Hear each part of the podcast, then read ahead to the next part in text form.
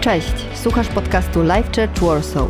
Wierzymy, że ten odcinek zainspiruje Cię do najlepszego i ekscytującego życia. Więcej informacji o naszym kościele znajdziesz na lifechurchwarsaw.com. Zaczniemy od wersetu, wersetu z listu do Rzymian, który dzisiaj rozpoczyna naszą serię. A Bóg nadziei niech was napełni największą radością i pokojem w wierze, abyście opływali w nadzieję w mocy Ducha Świętego. To jest krótki werset i pozwolę sobie poprosić dzisiaj was, drodzy bywalcy tego kościoła i domownicy i was, goście, żebyśmy przeczytali go jeszcze raz razem, ok? Zrobimy sobie tak jak w szkole. Idą święta, fajnie byłoby świątecznie sobie przeczytać jakiś werset z Biblii wspólnie. Jedziemy z tym razem. Na trzy, cztery. A Bóg nadziei niech was napełni największą radością i pokojem w wierze, abyście opływali w nadziei i w mocy Ducha Świętego. Dobra, super. Jak już zrobiliśmy to drugi raz, to teraz zrobimy to trzeci raz, ale z pokazywaniem. Każdy musi sobie wymyślić, jak pokazać Boga nadziei. Najważniejsze jest, żebyście umieli pokazać opływanie. Wszyscy opływanie zrobimy tak, albo możecie zrobić tak, że opływacie. Jeszcze raz, dobra? To tam pokazujcie coś ręką, ale najważniejsze jest to opływanie, dobrze? A Bóg nadziei, ja będę czytał, a wy pokazujcie. A Bóg nadziei, żebyście się teraz widzieli, niech was napełni największą radością, okej, okay, i pokojem w wierze. Dobrze, a teraz uwaga, abyście opływali, przód pokazał, tył nie, jeszcze raz poproszę tyły, abyście opływali, dobrze, i trzy czwarte to jeszcze teraz pójdziemy z całością, abyście opływali w nadzieję w mocy Ducha Świętego. Greckie słowo elpis z Nowego Testamentu oznaczającego nadzieję oznacza oczekiwanie, że coś dobrego się wydarzy. Ta seria kazań nazywa się Przy nadziei. Przy nadziei, dlatego że to jest piękne słowo, bardzo świąteczne słowo. Wiemy, że matka Jezusa, Maria, była przy nadziei. Nie tylko przy nadziei posiadania dziecka, ale przy nadziei, tak jak powiedział jej anioł, tak jak mówiły proroctwa, które rozpościerały się na tysiące lat na temat przyjścia Mesjasza, była przy nadziei, że da światu, urodzi osobę, człowieka, mężczyznę. Nawet wiedziała, jak mu nada na imię, wiedziała, gdzie go urodzi, dlatego że proroctwa, które były głoszone w synagogach, czyli kościołach Starego Testamentu, kościołach żydowskich, tam gdzie ludzie czytali Torę, czytali prawo, czytali obietnice na temat tego, że w końcu ludzie zostaną uratowani przez Mesjasza i że ten Mesjasz, jeszcze tego nie wiedzieli, ale nie będzie tylko Mesjaszem jednego narodu Izraela, ale będzie Mesjaszem każdego człowieka na ziemi, który potrzebuje zbawienia i ratunku.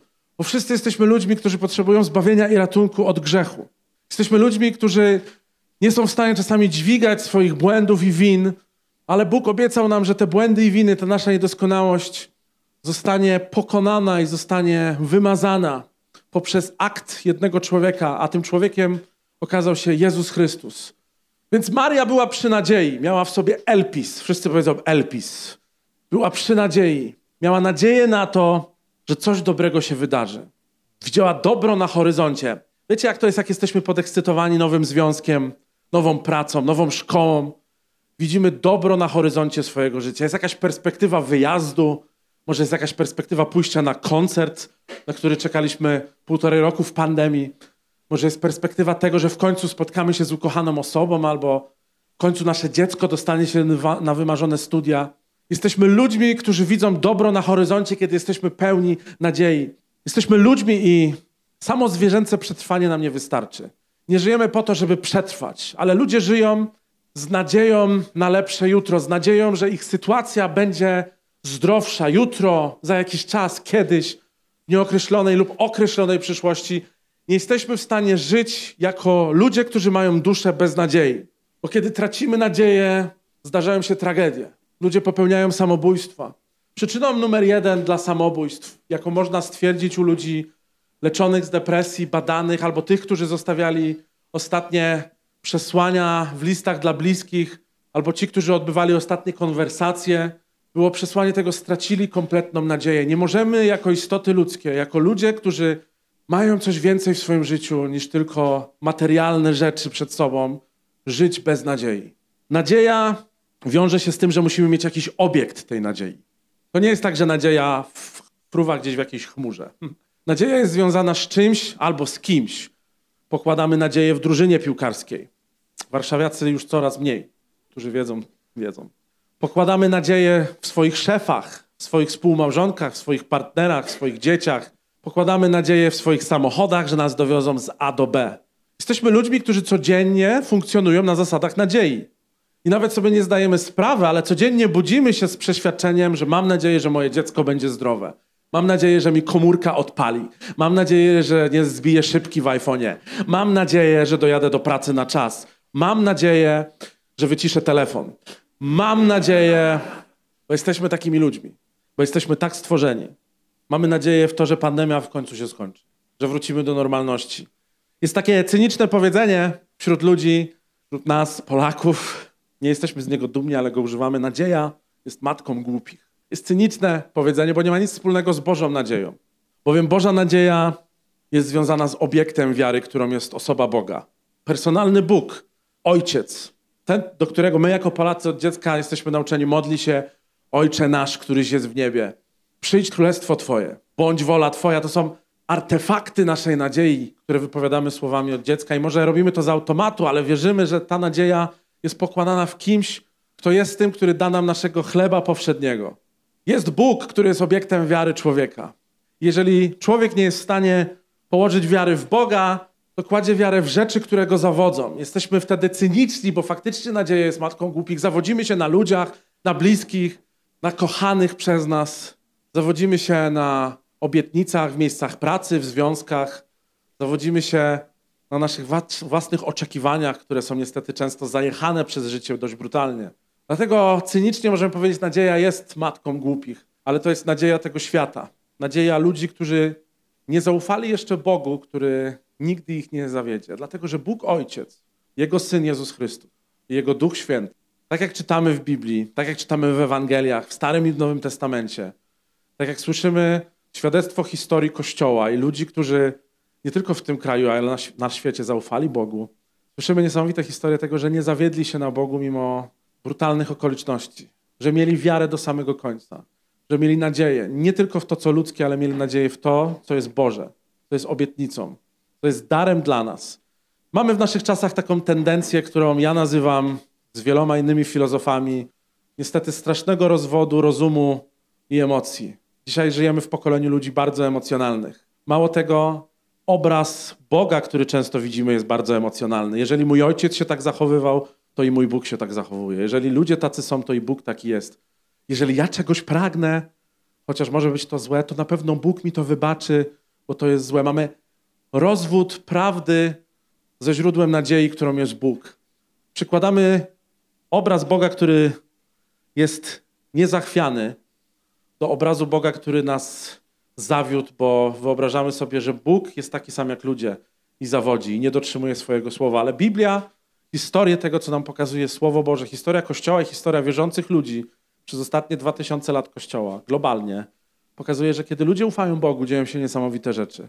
Pojawia się dobro na horyzoncie. Zaczynamy być ludźmi przy nadziei.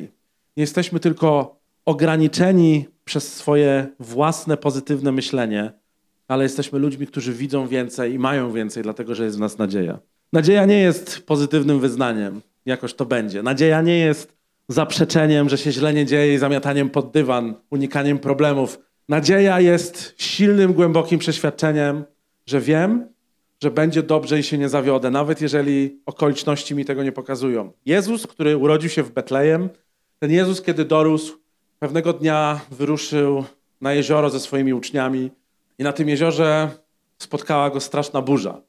Okoliczności były drażniące, okoliczności były przerażające. Uczniowie zaczęli panikować. Ludzie, którzy byli na tej łodzi, myśleli sobie, to jest koniec, to jest najgorsza burza, najgorszy sztorm na wielkim jeziorze galilejskim, jaki mógł nas tylko spotkać. Musicie sobie wyobrazić, jezioro galilejskie jest dość spore. Jeżeli byliście kiedyś, pływaliście kiedyś nad jeziorem Śniardwy, to możecie sobie wyobrazić, jest to jezioro, jak stoisz na jednym brzegu, to nie widać drugiego brzegu, więc jest ten element, chyba jestem na morzu, mimo że jest to jezioro. Na tym jeziorze spotkała ich ogromna burza i, i w tej ogromnej burzy ludzie zaczęli tracić nadzieję, że wszystko się rozpadnie. A Jezus, który już zaczynał głosić, już zaczynał pokazywać, że w jego życiu Bóg, jego ojciec jest tym, który buduje fundament jego spójności, jego bezpieczeństwa. Jezus spał. Spał wygodnie i drzemał. Ta historia, ona ma wiele więcej aspektów, ale najważniejszym aspektem jest to, że Jezus wstaje, jest zdziwiony i uspokaja burzę słowami. Ale najważniejsze w tej historii jest to, że Boży element nadziei jest w stanie wytrwać podczas ludzkich burzy, których my nie jesteśmy w stanie przejść sami. Potrzebujemy kogoś, kogo możemy obudzić w swoim życiu, kogoś, komu możemy powiedzieć: Jezu, wydaje mi się, że tonę. Jezu, wydaje mi się, że moje życie nie jest halo. Jezu, wydaje mi się, że w moim życiu jest taka burza, że nie ogarniam. Potrzebujemy Boga, personalnego Boga, w którym możemy położyć nadzieję, obudzić Go, po to, żeby ten Bóg wstał razem z nami i uspokoił burzę naszego życia.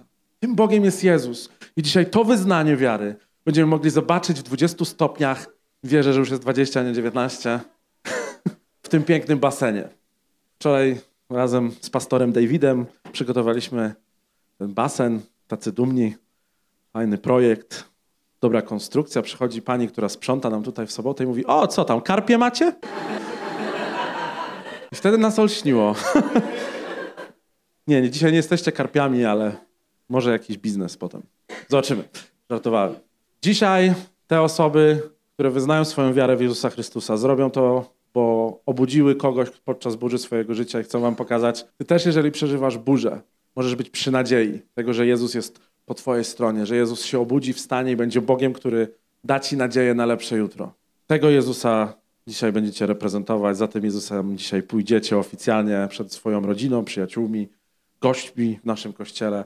No ja się mega jaram, jak zawsze, kiedy mamy chrzest, bo to jest najważniejsze życie, najważniejsze życie, najważniejsze wydarzenie w życiu wierzącej osoby. Najważniejsze życie też wasze, ale najważniejsze wydarzenie w życiu wierzącej osoby, żeby pokazać sobie i światu, że idę za Jezusem i tak jak śpiewaliśmy, nie wrócę już, nie wrócę już. Dlatego, że kto chciałby oddać tą nadzieję, kto chciałby zawrócić z drogi, w której mamy pewnik, mamy fundament, mamy kogoś, kogo natura nas nie jest w stanie zawieść.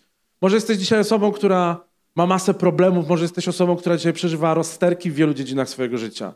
Może jesteś osobą, która odczuwa ogromną pustkę w swojej duszy, dlatego że jesteś duchową istotą i jeszcze raz to powiem, a mówię to często w naszym kościele, tak jak C.S. Lewis napisał kiedyś, jeden z większych pisarzy, który był kiedyś ateistą, a w wieku 50 lat poznał Jezusa Chrystusa i nawrócił się w Oksfordzie, najbardziej świeckim uniwersytecie Wielkiej Brytanii. Napisał tak: Nie jesteśmy ludźmi, którzy mają ciało, a w środku mamy duszę. Jesteśmy duszami, które mają ciało. Bo ta dusza, która dzisiaj jest w tobie, jest żywa, pragnie bezpieczeństwa, którego ten świat nie jest w stanie ci dać. A to bezpieczeństwo to uchronienie przed burzami życia. Ten spokój, który może przynieść Chrystus wewnętrznie do twojego życia i zewnętrznie w rezultacie, jest zagwarantowany w Nim, bo On jest Słowem. Jak mówi nam Ewangelia, Jezus stał się Słowem, a Jego Słowo nigdy nie zawiodło Kościoła, Jego Słowo nigdy nie zawiodło indywidualnych wierzących. On jest Bogiem. Bogiem, który dzisiaj będzie obiektem naszego wyznania i naszej nadziei. Mamy nadzieję, że ten odcinek Cię zainspirował. Nowe odcinki ukazują się co tydzień. Pamiętaj, że możesz odwiedzić nas w każdą niedzielę, a więcej informacji o naszym kościele znajdziesz na livechurchwarsaw.com.